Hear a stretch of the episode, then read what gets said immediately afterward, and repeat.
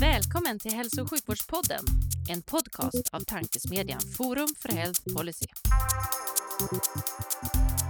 I den här podden möts frågor om hur vi kan få bättre hälsa med frågor om vilken politik som krävs. Det kommer bli samtal om personcentrering, ledarskap, digitalisering, organisation, politik och mycket mer.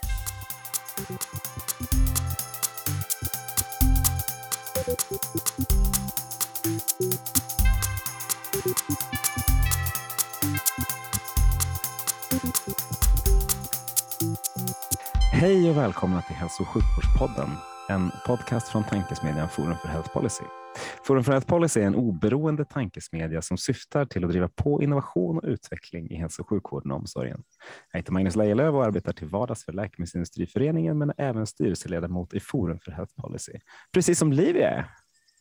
Precis, Livia Holm från eh, Kry men också styrelseledamot i Forum för Health Policy. Och där, förvirrade jag Liv, där förvirrade jag Livia lite genom att säga det på ett annat sätt än vanligt, men så är det ibland. Tack.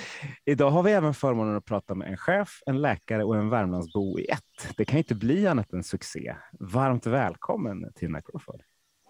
Nej, men tack snälla. Tack för att jag får komma hit. Ja, det, är, det är vi som ska tacka. Eh, vi börjar med en faktaruta, det vill säga vi, vi tar bort allt socialsnack och kastar oss direkt in i de här fyra frågorna som vi ställer till samtliga gäster. Och den första är den enkla eh, men ganska vida frågan. Vilket tycker du är det bästa sjukvårdssystemet i världen och varför tycker du det?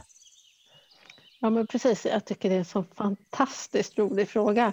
Eh, och eh, jag som har lyssnat lite på podden vet ju också hur eh, svårt det är att svara på den frågan eh, för alla. Och, eh, och det är ju verkligen så, det finns ju inget perfekt system. I alla fall inte något som vi direkt kan importera från andra till oss i Sverige. Och jag tänker ofta har det varit så att det är väl kanske lite svenskt nästan i min eh, reflektion att vi tror att alla andra gör allting så himla bra. Och det är ju klart att många gör saker bra på andra ställen men eh, och vi ska titta och vi ska eh, lära oss av andra. Men vi kan inte direkt tro att bara för att några har lyckats i ett system så kan vi inte bara direkt ta det till oss och tänka att implementeringen ska gå smärtfritt och så ska det gå lika bra här. Utan sjukvårdssystemet sitter ihop i, ett, i hela samhället och ett helt system. Och jag tänker hela sjukvårdssverige har varit i Skottland och vi har varit i Alaska och i Danmark och Karelen. Och vi ser ofta de här fantastiska resultaten och, och det är ju väldigt spännande att diskutera med dem som har lyckats med olika system. Men ofta handlar det, jag tänker direkt på någonting som jag var med om tillsammans med flera olika andra aktörer från olika fackförbund och myndigheter i Sverige och politiker. Och så åkte vi på en studieresa till Orlando till exempel och så skulle vi få höra och se hur de har lyckats. Så vi träffade representanter från bland annat Skottland, Alaska och Karelen och så. Och sen så beskrev de sin resa till god och nära vård och deras system och deras utmaningar. Och vi blev så inspirerade och så tänkte vi det här ska vi ta med oss hem. Men så landade vi gemensamt i att det handlar väldigt mycket om egentligen om ledarskapet och hur vi implementerar det hemma i, i Sverige egentligen. För mycket av det som de hade gjort, det har vi förutsättningar att göra. Och vi har gjort det i liten skala. Men vi har kanske inte gått hela vägen för att vi har inte riktigt klarat av att stå kvar och göra stora förändringsresan. Det var ett väl... Förlåt Livia, kör. Här slår vi på micken samtidigt. Då, då, då vill ju båda prata. Kör du Livia. precis så. Men jag satt precis och tänkte som, som en liten uppföljande fråga på det. Eh, just det här kring att olika system har olika förutsättningar att implementera nya typer av arbetssätt eller lösningar. Eller man mm. får ett gott exempel från ett system som man vill få in i sitt eget. Men så, så finns det hinder. Nu var du inne på det kring ledarskapet. Men finns det liksom områden som du ser att det här skulle man ju verkligen vilja få till i Sverige som vi inte kan få till? Och i så fall varför tror du? Finns det saker som vi kan ändra i, i det där? Vad vill du se för annat ledarskap till exempel för att göra det här? Ja, men exakt. Alltså, jag tror, alltså vi har ju väldigt mycket um, lagar och regler i Sverige, men det har vi ju i andra länder också. Och jag, jag tänker att vi behöver ha ett väldigt tydligt eh, ledarskap, men vi behöver väldigt modiga eh, ledare som vågar vara tydliga med målet. Hit ska vi. För jag tänker där vi har ju sett till exempel nu under pandemin, där har vi sett en tydlig reflektion i att, att eh, plötsligt har hela sjukvårdssverige accelererat och krokat arm och sen så har vi gjort enorma förändringar. Alltså vi har ju aldrig gjort så stora förändringar eh, i modern tid skulle jag vilja säga i att förflytta personal på olika ställen. Man, man byter arbetsplatser, man har helt andra pass, man gör en digitaliseringsresa som heter duga. Plötsligt poppar upp allt det som vi har planerat i flera år. Plötsligt kan vi sätta det på, på, på startknappen verkligen utan några bromsklossar alls. Eh, och, och det tror jag väldigt mycket beror på att det har varit ett supertydligt gemensamt mål. Och så har vi eh, så att säga hoppat över en del administrativa hinder och så har vi släppt det löst till medarbetarna att finna lösningarna väldigt mycket. Och då har man ju sett att olika enheter de krokar med varandra och så presenterar man en lösning och så har man liksom fått, fått go på det som medarbetare och sen så följs det upp. Vi eh, har varit väldigt tydliga i ledarskapet och där kan jag tycka att ehm, i offentlig verksamhet i alla fall så har vi över lång tid pratat mycket om att jo, men medarbetare i sjukvården, det är så svårt att göra förändringsresor och, och man är konservativ i sina sätt att titta på arbetssätt. Och, och jag skulle vilja vända på det och säga och vara lite konfrontativ kanske och säga att det kanske är vi chefer och ledare som inte har varit tillräckligt tydliga. Vi kan inte lägga det på medarbetarna. Um, åtminstone har vi delat ansvar över tiden som har varit. Eh, och vi ska lära oss av den här tiden eh, som vi har haft nu med pandemin där det har varit en jätteutveckling. Så tydligt ledarskap. Och det var det jag skulle knyta an till. Att när man träffar de här eh, personerna som har gjort de här resorna i de här olika länderna där vi som svenskar ofta vill komma och titta och lära oss av så vid den, vid den här resan jag pratade om senast eh, till Orlando, då pratade vi med dem och ställde frågan. Jag ställde frågan, vad var det som gjorde att ni lyckades? Vad, vad, vad gjorde ni när, när medarbetarna sa att de inte ville eller när det fanns underchefer som sa att de inte ställde upp på detta eller att man inte gick åt mot samma håll? Och, och alla vänder sig till mig och säger, jag förstår inte hur du menar. Vadå att man inte följer målet? Vi hade ju bestämt att vi skulle hitåt. Ja, men du vet, det kan ju ändå alltid vara så att man ifrågasätter lite och, och ser vad, vad, hur kan man komma ur det och man har olika rädslor. Ja, det är klart att man har rädslor och då diskuterar vi dem, men, men det har aldrig varit någon tveksamhet om målet. Eh, och, och där tror jag är stora svaret på frågan, så att säga. Vi måste ju stå fast och vara väldigt tydliga med vart vi ska. Annars kan vi inte få med oss alla och då gör vi inte de här stora förändringarna som behövs. Många bra saker. Det jag tror att nästa delegation ska väl gå till en digital startup som har skalat upp eller så, Olivia. Det låter som att det är den typen av förändringsledning vi kanske behöver införa i, i svensk offentlig sjukvård också. Jag tycker att det är jätteintressanta reflektioner just kring det här med tydlighet och att stå fast vid tydliga mål. Eh, det tycker jag också är någonting som har genomsyrat många av de samtalen vi har haft här i podden, att vi har ju ganska många stora mål som vi vill nå inom svensk hälso och sjukvård. Och de är inte alltid kanske eh, helt kompletterande utan kan ibland dra i lite olika riktning och då är det såklart kanske svårt att få med sig alla på tåget. Så att, superintressant. Och på Men om, mål så kan man ju smita vidare till fråga två då. Och, och, och, och då när vi tittar på hur mång, många mål så har ju Dubai hittills ledningen med 148 parametrar som man mäter eh, för att kunna följa sin sjukvård. Eh, men vi, vi ger bara chansen till tre. Eh, vilka skulle du säga är de tre bästa parametrarna att mäta i sjukvården och varför? Mm. Ja, men exakt, eh, du är inne på det. Jag, jag tänker så här, jag brukar säga att ett, var måttfull med målen och var måttfull med måtten. Alltså för att någonstans så handlar det om Eh, redan när man går läkarutbildningen får man lära sig att ta inte fler prover än att du kan hantera resultaten. Eh, och det tycker jag att vi tappar bort lite grann när vi, när vi tänker mål och mått i styrning och ledning. Vi mäter och vi har massa mål och så ska vi mäta och sen så möjligtvis att vi följer upp dem men vi gör ju ingenting med resultatet. Så det är liksom regel nummer ett, gör inte som Dubai då. Eh, skulle jag väl kanske säga. Utifrån vad du eh, började med att säga. Men annars skulle jag säga just att kvalitetsmått, eh, oavsett vad det är för slags kvalitetsmått, det är liksom där du måste börja.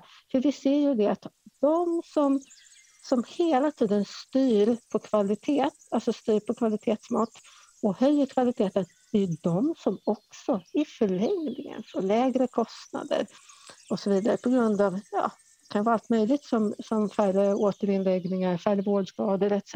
Alltså du reducerar ju kostnader så att om du, om du håller dig till att styra på kvalitetsmålen så kommer allt det andra landa snyggt eh, efter. Finns det någonting som du tycker att vi mäter för mycket av idag?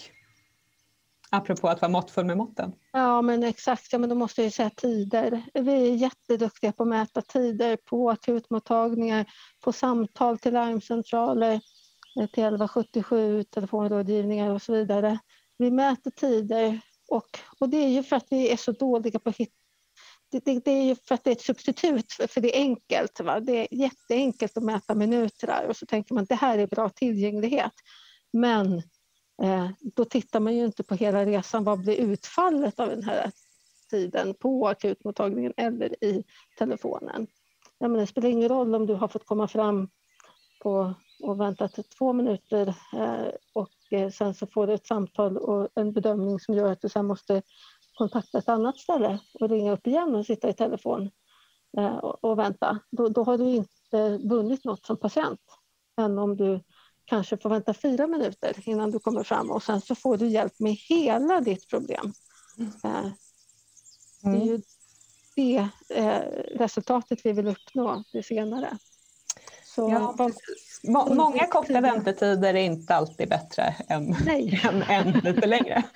Eh, men, men, om man ska eh, eh, gå vidare till, till lite grann medskick och så. Du har ju varit inne redan på, på ett viktigt medskick och det är tydlighet i ledarskapet. Men om du fick skicka med två viktiga saker till alla som, som arbetar med att utveckla svensk hälso och sjukvård idag, vad hade det varit? Mm. Ja, men då skulle jag vilja eh, dela upp det till och dela upp det till chefer och medarbetare för det är ju tillsammans som chef och medarbetare utvecklar ju vården. Det är vi som gemensamt utvecklar vården. Och då tänker jag återigen det här alltså, som chef, alltså våga leda, våga ge de här tydliga målen, var modig, ge medarbetarna förutsättningar att utveckla. Ni vet, ni har säkert hört det här tight, loose, tight, alltså att man är väldigt tydlig med, med målet. Släpp det lös, låt medarbetaren finna lösningen och följ upp det igen. Och den andra är ju till medarbetarna. Alltså tänk som när man, när man vill utveckla den medicinska vården, då är vi jättesnabba på att finna lösningar och nya, nya medicinska eh, lösningar, både när det gäller läkemedel och behandlingsrekommendationer överhuvudtaget. Eh, våga vara lika kreativ i hur vi jobbar och våga säga, räcka upp handen och säga att jag skulle vilja testa det här. Hur skulle vi kunna göra på det här sättet istället? Eh, öppna upp och utgå från att din närmsta chef vill ge dig förutsättningarna. Eh, tänk att he, halv, åtminstone halva ditt medarbetarskap är att utveckla vården. Du är en stor del av det. Eh, så våga kliv fram. Bra medskick, inte bara till de som utvecklar vården utan förmodligen till alla verksamheter. Eh, positivt. Eh, vi tänkte avrunda faktarutan och verkligen inte podden, men faktarutan med den sista frågan som, som vi alltid blir så berörda av. Tänkte vi se hur du tänkte beröra oss den här gången. Vilket är din, ditt finaste patientminne eller patientanekdot?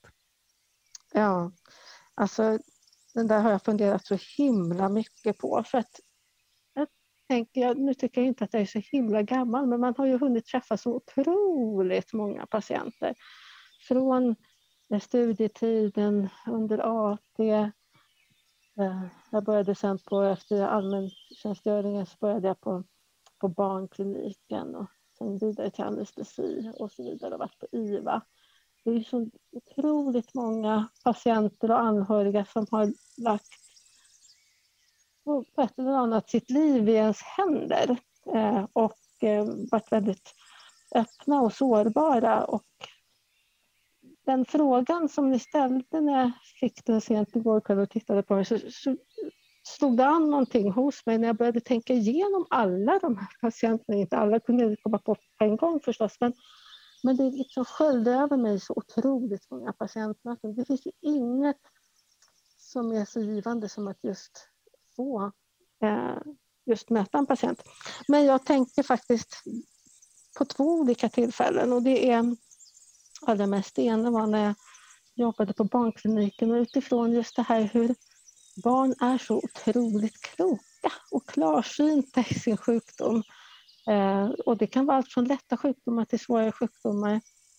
Men, eh, men just den här eh, cancersjuka flickan som jag träffade och som, som, som kunde se och förstå så väldigt mycket gentemot hennes föräldrar som inte ville förstå. Och det följer så naturligt därför de är föräldrar. Men, men den här klarsyntheten, den här självklarheten. Eh, att våga vara här och nu som, som den flickan var, det tycker jag det berörde mig väldigt starkt långt innan jag fick eh, förmånen att få egna barn. Eh, just att, att kunna se saker och sanningen i vitögat. Men sen så är det ju flera olika tillfällen på intensivvården när man har varit eh, då det mest handlar om anhöriga egentligen med svårt sjuka patienter. Och där går det liksom inte att välja ut någon alls. Utan jag bara, kan bara sammanfatta med att jag översköljdes av en sån någon form av ömhet i att tänka på alla de patienter och anhöriga jag träffat under, under ja, vad det nu kan vara, 25 års tid eller något. Det är bra. Du, du lyfter ju på något sätt barn och intensivskedet. Det är ju oftast där det liksom finns, där det, där det händer någonting. Jag kan tipsa om en annan podd nu när vi sitter här. Barncancerfonden har, har släppt en podd som heter det, Detta måste delas, som är, där man berättar just historier om eh, ja, men, cancerpatienter på olika sätt och vis. Jag lyssnade precis när vi kom in här om Sofies son dog som handlar om ett läkarpar som förlorar sin son. Och, och bara, bara, man blir ju väldigt berörd av historien, men när, man just, när det kan vara sakligt och informativt också. Så det är värt för alla lyssnare och oss då att lyssna på också naturligtvis. Tack för eh, tipset. Stämningen går ju ner eh, när vi pratar om det här. Vi ska hålla oss kvar där, för det är så viktigt. Men vi ska ta oss upp lite och prata, prata om dig, Tina. Eh, vi kastar oss som alltid in i, i faktarutan eh, och nu vill vi liksom ta oss tillbaka. Och vem är du? Vad, vad, vad, gör du för något idag? Vi vet att du har många hattar, jag och Olivia, men vill du berätta för publiken? Ja, men precis. Ja, exakt. Vem är jag och, eh, och hur hamnade jag här? Um, um, nej, men precis, jag är ju uh, narkosläkare i botten som man alltid brukar säga. Jag brukar tycka det är så roligt när jag hör andra säga det och så gör jag det själv. Uh, varför säger man i botten med sin grundprofession? Uh, själv är jag apotekare på toppen. Ja, det är bra. Exakt, ja, det, det, är så härligt. Eh, en, och en person som ständigt ville, såg hela tiden saker som jag ville vara med och utveckla och, och förbättra och i stort och smått hade ingen idé om att bli chef eller ledare men, men eh, tog gärna på mig ett väldigt aktivt medarbetarskap kan man väl kalla det nu, men det förstod jag inte orden till då, men man eh, ville snabbt vara med och påverka saker och ting. Så jag tog på mig lite olika roller och har efter det då eh, haft olika chefsuppdrag eh, och även andra ledningsuppdrag här i Region Värmland och sen så, så är jag dessutom ledamot i förbundsstyrelsen för Läkarförbundet och sen så, eftersom jag drivs så av den här styrning och ledning av sjukvården och hur man kan nå framåt eh, så eh, landade vi att jag är ordförande för chefsföreningen också som just eh, riktar sig till läkare som är chefer på olika nivåer och just att utveckla det medicinska ledarskapet. Mm. Och hur, eh, du berättade lite att du alltid har haft lite sådär eh, driv för att vara med och, och vidareutveckla och förbättra och vara aktiv i, i medarbetarskapet också. Men, men eh, vad är det för typer av roller som du har haft som, som chefsuppdrag? Vad har du gjort tidigare och hur har du hamnat där, där du är nu så att säga? Eh, ja, det började med lite olika såna sektionsuppdrag och sen så blev jag läkarchef på den klinik där jag, blev, där jag utbildade mig till anestesiolog. Um, och det var egentligen så att jag var jag hade ju som sagt haft de här lite mindre eh, rollerna och varit med och utvecklat saker och ting men aldrig haft en, en tanke på att bli chef. Och sen så var jag eh, föräldraledig med mitt eh, tredje barn. Och så kom det en verksamhetschef som inte var läkare och då insåg man att vi behöver en biträdande verksamhetschef och en läkarchef som är läkare och så lyste man ut den. Men jag gick i godan ro och eh, var mammaledig men blev uppmuntrad att eh, att söka eh, det jobbet. Och ehm, för att andra hade sett eh, att det kunde vara en bra matchning. Så. Och, och då valde jag till slut att um, kliva på den rollen eh, och insåg att då fick jag ju mandat att verkligen göra de saker som, som vi andra satt i kafferummet och funderade över, saker som vi ville förändra. Och så, då fick jag ju mandatet i och med chefsrollen, för det är det det innebär. Det innebär att du har mandat att påverka. Eh, eh, så. Och sen efter det så eh, blev jag sen verksamhetschef i hela den eh, verksamheten lite senare och sen utvecklade vi det till en delvis länsverksamhet eh, med Karlstad, Arvika, anestesioperationer och IVA. Och så var jag verksamhetschef under ett antal år. Ehm, sen eh, avsade jag med det ehm, verksamhetschefskapet, men har fortsatt att ha den här enorma drivet av att utveckla sjukvården och det började väldigt mycket kring att vi startade helikopterverksamhet eh, samtidigt medan jag var verksamhetschef för Anot IVA och då föll det naturligt att jag landade i mycket prehospitala delar så jag varit med och, och eh, varit medicinskt ansvarig för ambulanssjukvården här och samtidigt eh, haft uppdrag att, eh, att eh, utreda hur man kan samordna den mobila vården överhuvudtaget i Värmland. Och sen under pandemin har jag haft eh, ansvar för smittspårning och personalprovtagning och nu sitter jag även och har eh, en del ansvar för läkemedel här i, Eh, i Värmland. Så det, det är en eh, gott och blandat påse av olika ledningsuppdrag som jag har här. Eh, då. Och sen så förutom de nationella uppdragen som jag har vid sidan om kan man säga. Mm. Jag minns ganska, ganska tidigt när jag själv började jobba eh, inom den här sektorn så var jag på ett seminarium där jag inte ska försöka mig på att, att citera några faktiska siffror men eh, där man hade gjort en undersökning då bland, bland läkare och frågat dels eh, tycker du att vi behöver fler läkare i chefspositioner Mm. Och som följdfråga då, skulle du kunna tänka dig att ta en chefsposition? eh, och det var ju en, en, stor dissonans mellan de här eh, två siffrorna. Många vill ha läkare som chefer men ganska få eh, ville själva bli chefer. Mm. Eh, och du nämnde det här med att du hade aldrig en tanke på att bli chef Nej. innan din ganska långa nu chefskarriär mm. då, som Eh, som läkare i hälso och sjukvården. Vad tror du att det där beror på? Hur kom det sig, du som, som då driver för förändring, var med och påverka, mm. Eh, får mandat till det. Hur kom det sig att du inte övervägde chefsroller liksom aktivt innan? Ja, det där är jättespännande för, och jag tror att det handlar väldigt mycket om att vi traditionellt sett inom vården så har det dels alltid eh, Förr var det ju så att på en klinik, så den som var klinikchef, det var den mest seniora läkaren eh, som klev på det uppdraget. Och sen så har det blivit ett skifte eh, i, i strukturen där man inte har haft så många läkare som chefer. Men när vi mäter det nu, för vi gör ju sådana mätningar via Läkarförbundet till exempel och så tittar vi på hur medlemmarna förhåller sig till chef och ledarskap och då är det precis som du säger, alla vill ha läkare som chefer men vi ser att det är de yngre de är mer intresserade nu av att ta på sig ett chef och ledarskap. Men sen så eh, faller intresset över tid.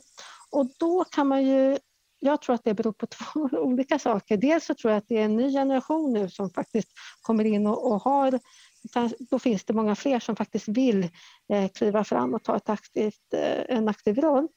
Men sen eh, tror jag också att det handlar väldigt mycket om att man ser över tid att verksamhetschefskapet till exempel, det har utvecklats något enormt. Min första mentor och handledare som när jag var ST-läkare på, på Ann så han var ju även verksamhetschef. Han är nog en stor anledning till varför jag sen eh, vågade kliva på det här, för att vi diskuterade väldigt mycket hans dilemman på, på de här handledarträffarna.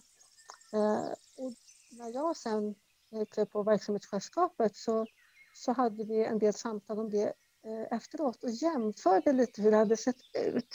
Och eh, när han var verksamhetschef då fanns det väldigt mycket större möjligheter att jobba mycket mer kliniskt. Det var inte det var, det var bara fysiska möten och det var varannan vecka. Sen kom det brev däremellan. Med, alltså det kom riktig postinformation däremellan.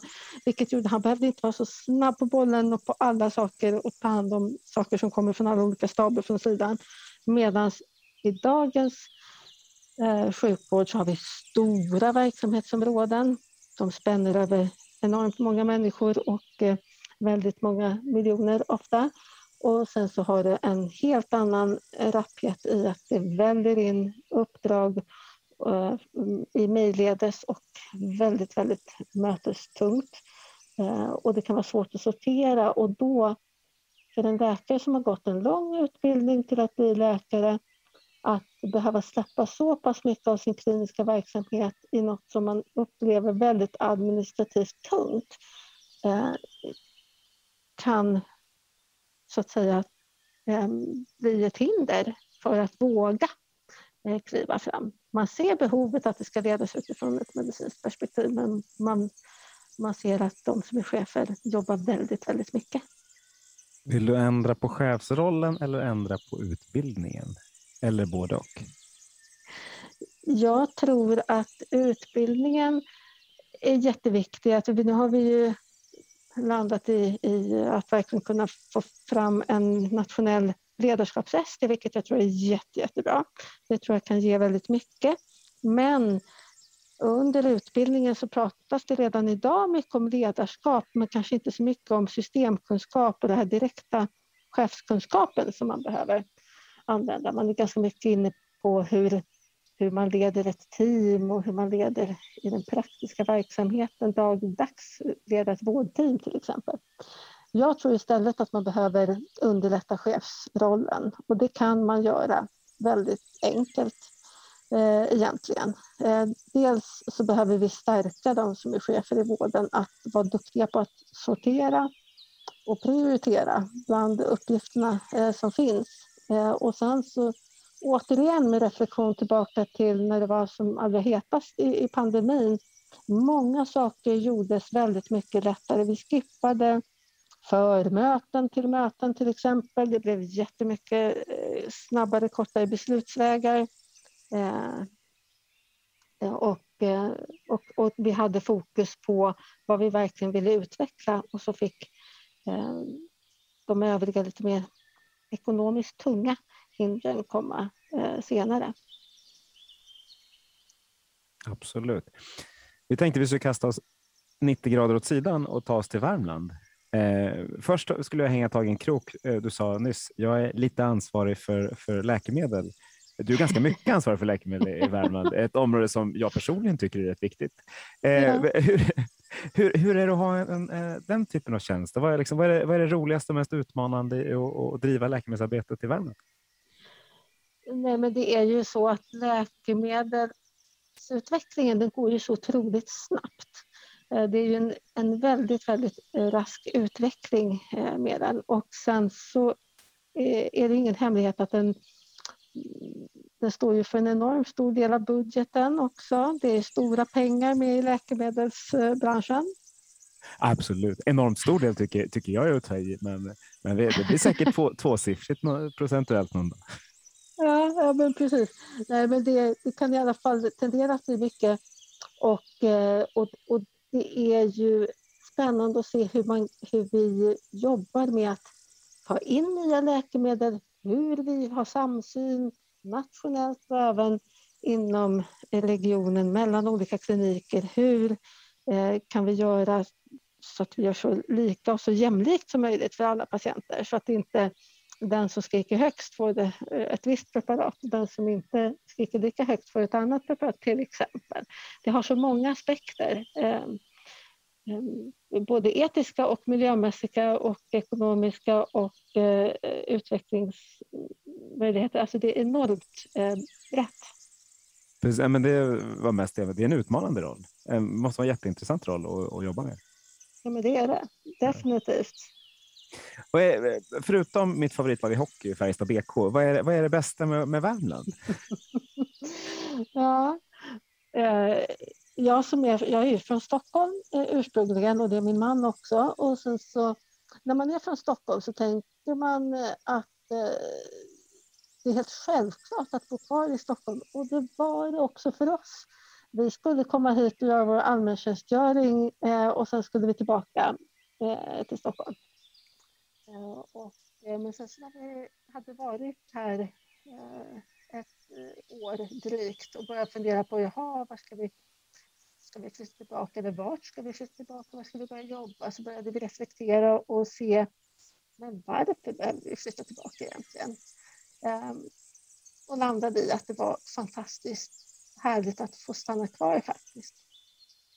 Ehm, och, det, och det är ju egentligen på grund av att ehm, Värmland och framförallt Karlstad skulle jag vilja säga, där där jag bor och verkar mest, det är ju nära till allt. Det är lagom stort, om man nu får vara så här lagom. Jag är ju inte så lagom i andra sammanhang, men, men eh, just när det gäller det så är det, det är lagom stort. Det är en det är bra stad att växa, låta barnen växa upp i. Ehm, och vi har enorm möjlighet i Region Värmland, skulle jag säga, också i att det är en lagom stor region och vad man skulle kunna vad man kan utveckla och åstadkomma. Vi har 16 kommuner i den här regionen och, och ibland tycker vi att det är många kommuner att samverka med emellan och så, men men sen så tittar vi på andra regioner som har ännu större komplexitet med ännu fler eh, kommuner och också eh, många olika aktörer. Men här är det egentligen relativt enkelt att utveckla saker och ting.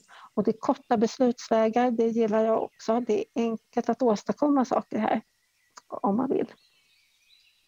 Mm, precis, det där får mig att fundera lite grann kring din syn då på eh, det här, den eviga debatten i svensk hälso och sjukvård kring regionalt versus nationellt eh, styre.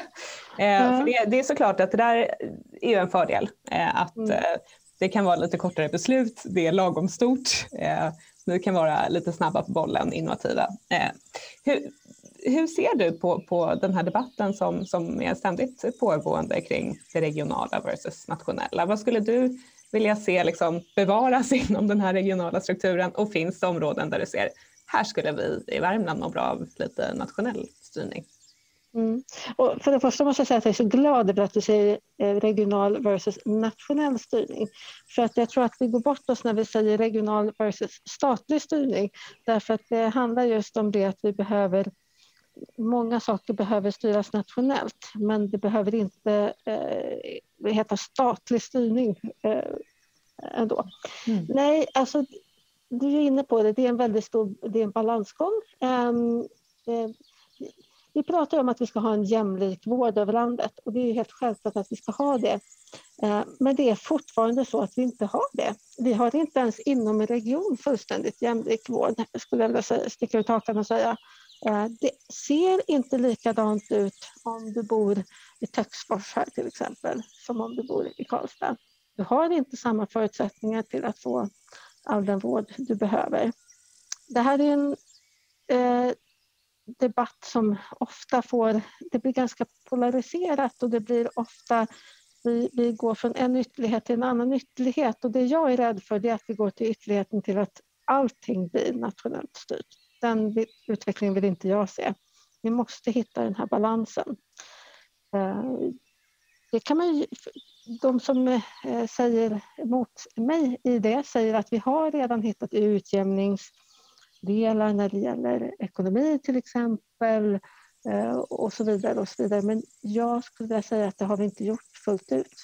Eh, det är fortfarande svårt för en mellanstor region som det är nu att klara sitt uppdrag eh, fullt ut.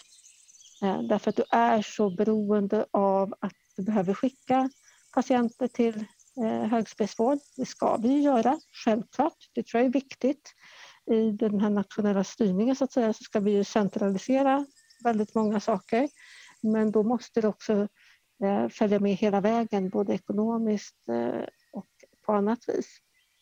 Så att inte en region hamnar, hamnar eh, i att bara behöva egentligen betala till andra.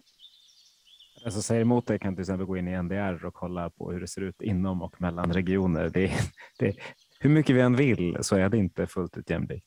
Nej, tack för det.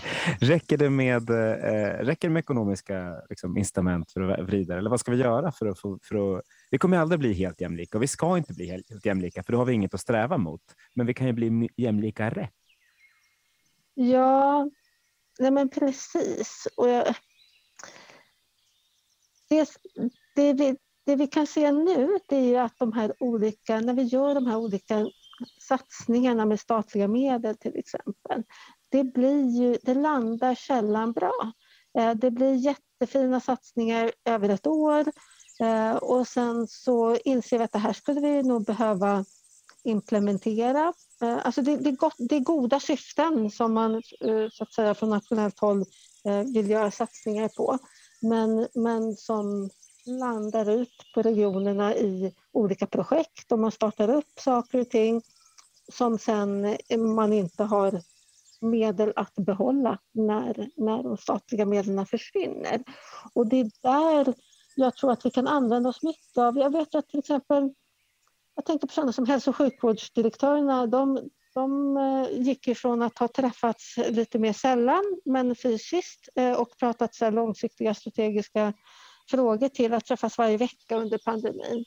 Eh, jag tror att det finns jättemycket att hämta i de här delarna, att man, att man träffas otroligt mycket oftare eh, inom sjukvården och talar om hands-on-frågor, konkreta frågor. Eh, hur löser vi de här bitarna? Hur kan vi eh, nå framgång med ett visst område? Ehm, där jag ser att de till exempel har gjort ett jättearbete och de kommer nog inte gå tillbaka till eh, sättet att jobba som de gjorde innan utan de kommer fortsätta till viss, i viss mån i alla fall på det viset. Eh, och då får man det bästa av två världar någonstans tänker jag. Ja, den där eh, har vi fått höra tidigare i podden också, att under pandemin så har vi börjat samverka på riktigt mm. eh, och inte bara prata om att vi ska samverka. Ja, eh, så det, det, verkar vara en, en gemensam fattning och det är ju väldigt positivt.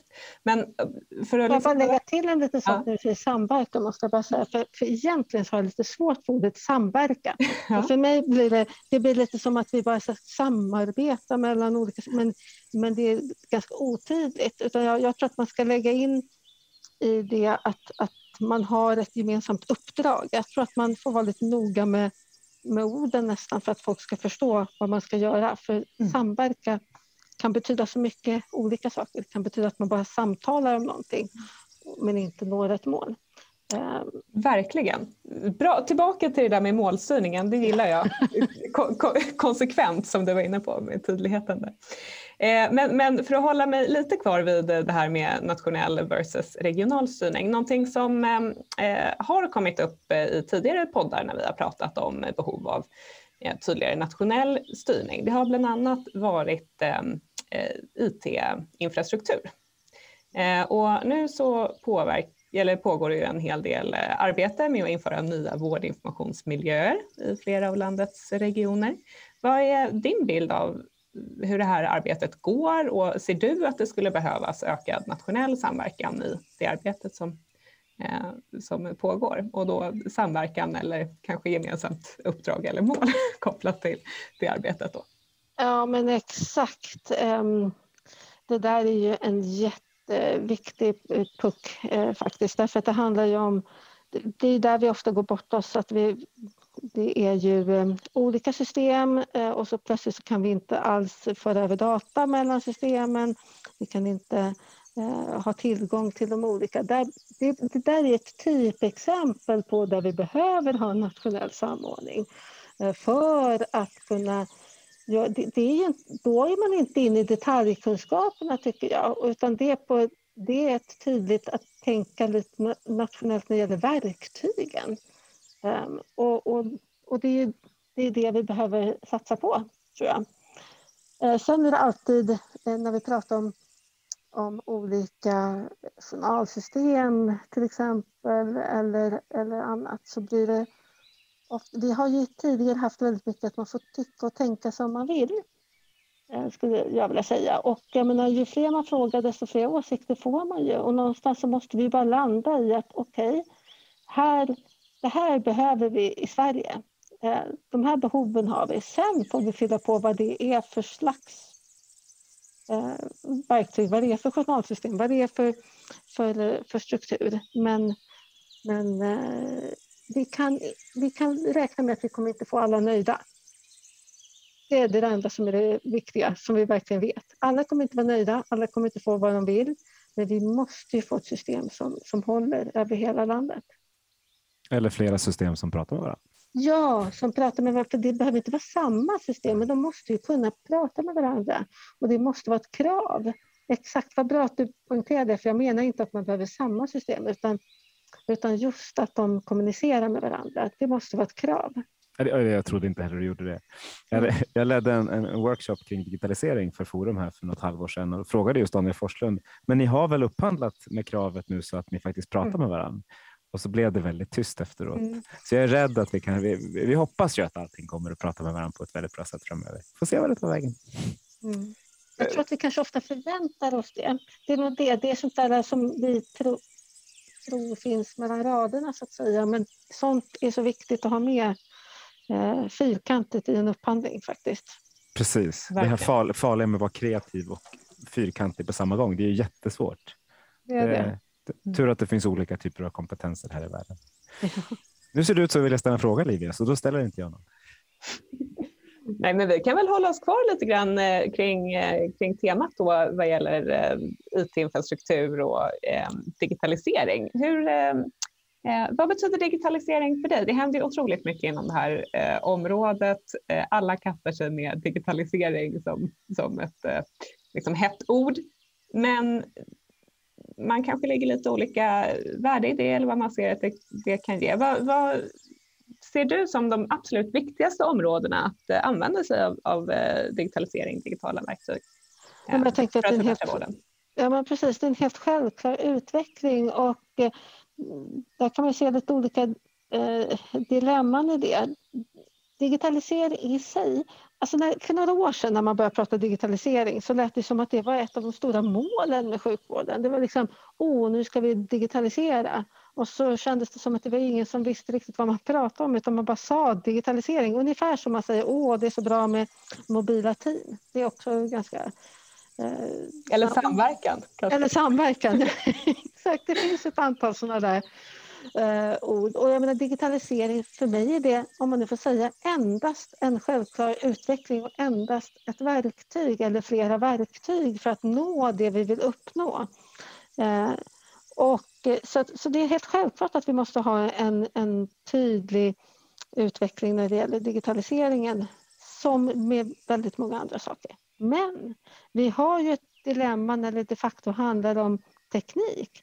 Att vi står ju här med lagen om offentlig upphandling och, och, och, det märker man ganska konkret när det handlar om digitaliseringsutveckling. Att vi pratar om vad vi vill ha för någonting och lagom tills vi är färdiga med hela upphandlingen så har vi system som är inaktuella.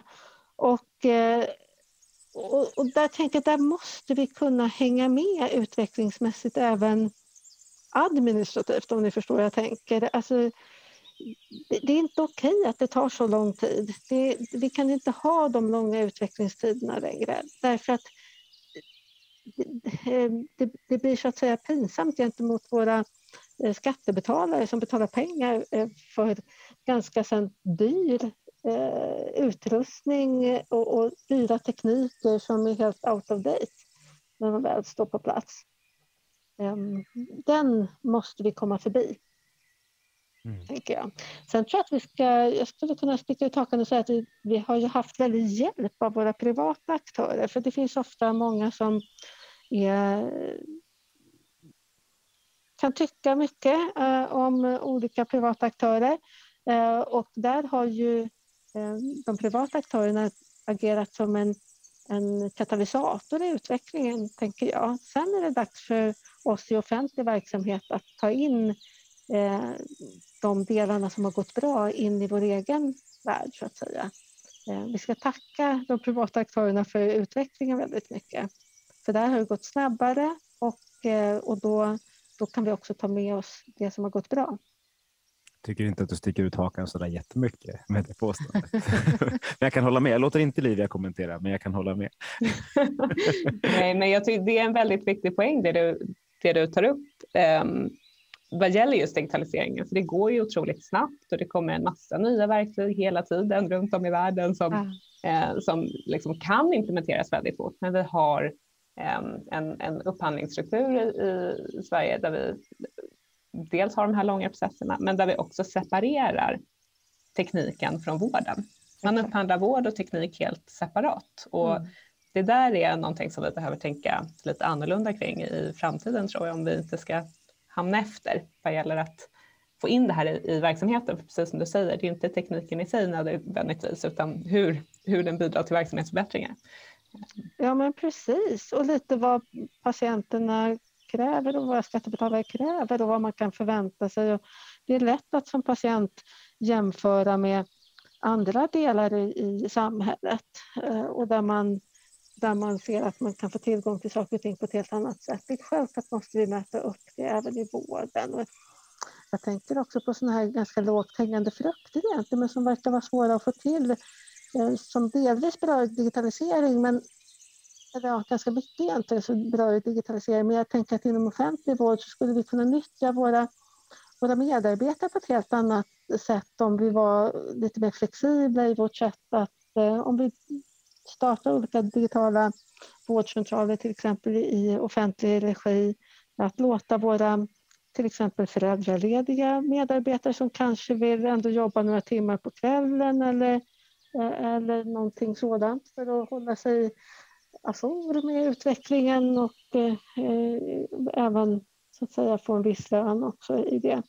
Då, då, då ska vi definitivt använda oss av det. Den digitala utvecklingen den har vi redan nått. De verktygen ska vi använda. Vad jag menar med det är att vi utvecklar mycket men vi ska också använda det vi har utvecklat. Det finns ju massvis med verktyg och system som vi kan använda. Men vi måste ju våga då starta upp och ändra arbetssätten och vara flexibla till våra medarbetare. Då blir vi också väldigt mycket mer attraktiva arbetsgivare och då har vi inte den personalproblematiken på samma sätt som, som vi ju ofta upplever att vi har. Ska du, ja. Nu ska du få chansen att sticka ut hakan. Eh, vi har pratat om regionalt kontra nationellt styre, vi har pratat digitala vårdgivare och så. Det leder mig till frågan, vilken tror du är Sveriges största vårdgivare 2040? Oj, en sån här liten fredagsfråga som ja, man kan slänga in i mixen. spännande. Eh, ja, precis. Ja, vad tror jag egentligen? Hmm. Ja, den var en svår fråga. Jag tror ju aldrig att vi kommer kom, jag tror inte att vi kommer på något vis vara helt privata. Utan eh, jag tror ju på, på den offentliga vården. Jag, jag tror på den. Jag, vi har jättemycket. Jag tror på den ända sedan, och det kan jag säga varför, jag, jag tror på den ända sedan jag var iväg i Australien för många år, år sedan under utbildningen och jämförde, jag skulle bli bröstcancerkirurg en gång i tiden och jämförde vård mellan eh, de privata eh, eh sektorerna och den offentliga sektorn. Och då såg jag att det som man tittade ner på, den, den medicinska utvecklingen där hos den offentliga vården, då, det här är ju jättelänge sedan som ni förstår, men ändå. Eh, där skedde utvecklingen, där var eh, forskning och utveckling på ett helt annat sätt faktiskt än på de privata delarna, men det var ju för att det var ett anglosaxiskt tänk i de privata eh, vårdalternativen förstås. Men vad jag menar är att jag tror mycket på den offentliga vården. Vi har möjlighet att utveckla den, så jag tror fortfarande att offentlig vård kommer att vara den största aktören i en eller annan form. Ja, bra. Det, vi insåg när vi ställde det första gången att det blev en spännande fråga, så vi fortsätter att ställa den och inser att alla ser lika förvånade ut som du. Men du svarade, kom väldigt bra undan med den frågan också. Men om vi tar en lite snällare, mer lagom visionär fråga. Hur ser svensk hälso och sjukvård ut 2030? Vad är det som skiljer sig från idag? Ja, det är just den här, jag tror att vi är väldigt mycket mer, idag så har vi väldigt stor del av vår vård 8 till 16 eh, och däremellan har vi väldigt svårt att komma till och vi, sen har vi då en ambulansverksamhet som på något vis vikarierar för, för vården ihop med lite privata aktörer eh, i mångt och mycket eh, idag. Så ser det inte ut 2030. Då är det väldigt mycket mer flexibelt. Då har vi fått den här strukturen att, att vi kan få eh, antingen asynkron eller synkron hjälp digitalt eh, direkt ehm, in i den offentliga vården som patient. Därför att eh, patienten 2030, likväl som idag, kommer ju än mer då vilja ha hjälp här och nu. Jag var häromdagen och pratade med ehm, i en annan i en paneldebatt med Anna Nergård och så kom vi fram till det här, vad är akut och vad är inte akutvård? Och vi pratar väldigt mycket akutsjukvård men vi bedömer det utifrån vårt eget perspektiv, utifrån sjukvårdens perspektiv. Vi vet ju precis vad vi pratar om när vi säger akutsjukvård. Men vad som är akut för mig som patient kan ju vara något helt annat än vad vi bedömer som akutsjukvård och det måste vi, det måste vi bemöta med respekt. Eh, för det, vi måste ju följa samhällsutvecklingen förstås. Eh, det är ingen idé att streta emot den utan vi ska ju omfamna den utvecklingen och eh, på så sätt göra det bästa situationen och med det faktiskt också bli bättre arbetsgivare i offentlig vård. Mm, spännande. Hur, eh, igår så, så höll Apoteket AB en tävling eh, mm. som Forum för Healthcare faktiskt eh, vann. Eh, Magnus pitchade väldigt fint där kring framtidens apotek och, och, hur man tror att det kommer se ut och fungera, vilken roll de kan spela bland annat i den nära vården. Hur ser du på apotekens framtida roll om vi nu blickar framåt mot 2030? Ja, alltså jag tänker att um, apotekens roll har förändrats så himla mycket uh, över tid. Eh, det, jag, det jag inte vill se i alla fall, det är ju att vi, att vi så att säga konkurrerar med varandra mellan sjukvård och apotek. Eh, vi måste ju kunna se att vi är ett komplement eh, till varandra.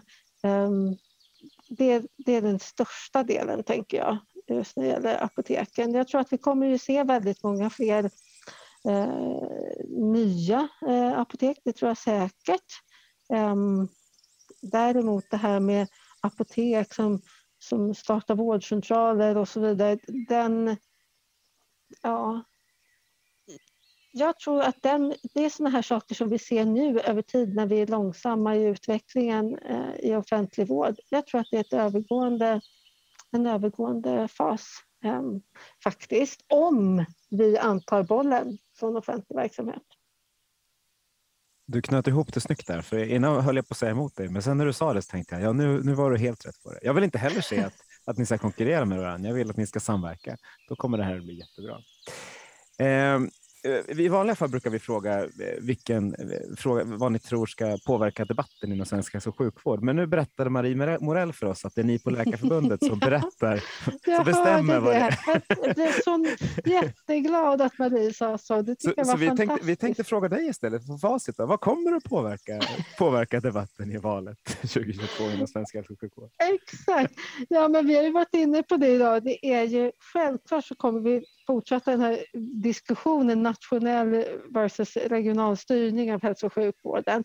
Överhuvudtaget så tänker jag att vi kommer se väldigt mycket sjukvårdsfrågor i debatten därför att eh, i, i, valdebatten därför att det är ju nu som det har blivit så tydligt att sjukvården, alltså vi står och faller med sjukvården. Det har aldrig varit så tydligt för, för våra medborgare att hur, hur det ser ut med intensivvård eller hur det ser ut med sjukhusen, eh, hur smittspridning sker, hur personalen arbetar. Alltså vi har ett riktigt momentum i vården att ha allmänhetens eh, öga på oss och det, det det ser jag att det förstår alla eh, politiker också. Därför kommer vården ta stor plats. Bra. Men det är så skönt att få facit ibland, för det, får, det kan man ju inte alltid få. Exakt. Vad härligt. Nu, nu, har våra, våra lyssnare varit ute i snart en timme och joggat eller åkt skridskor. Eller jag vet inte vad som händer om en och en halv vecka när, när den här podden kommer. Vad, när du gick in i det här digitala rummet, var det något du ville prata om som du känner att det här har jag inte fått prata om? De här har ju missat det här helt. Ja, men precis. Nej, det är klart att ni inte har missat något. Det visste jag att ni inte skulle göra. Nej, utan det som jag var helt inne på, det var just att prata om det här. Att vi ska inte Gräv lite mer vad vi, vad vi är, inte bara titta på alla andra. Våga ha in det bästa från andra länder och våga ha tydliga mål eh, och tydliga ledare och chefer. Då blir det en fantastisk sjukvård om vi bara vågar vara snabba på utvecklingen. Bra. Det ordet våga kommer in många gånger. Det tycker vi är positivt, för det, man behöver våga för att det ska bli riktigt bra. Men, men då, då syr vi ihop den här säcken och, och tackar dig Tina jättemycket för att du delade med dig och, och hade en, en rolig fredagsdialog med oss. Verkligen, eh, stort tack. Ja, Tack snälla. Tack Livia för att du alltid är med eh, och dessutom tycker, tycker att det är kul. Och, och tack, och tack som, Magnus. och tack ni som har lyssnat på, på Forum för Health Policies hälso och sjukvårdspodd. Kommentera gärna, sprid eh, vårt gospel och kan vi förändra hälso och sjukvården tillsammans? För det går ju bara att göra det här tillsammans. Ha det jättebra allihopa.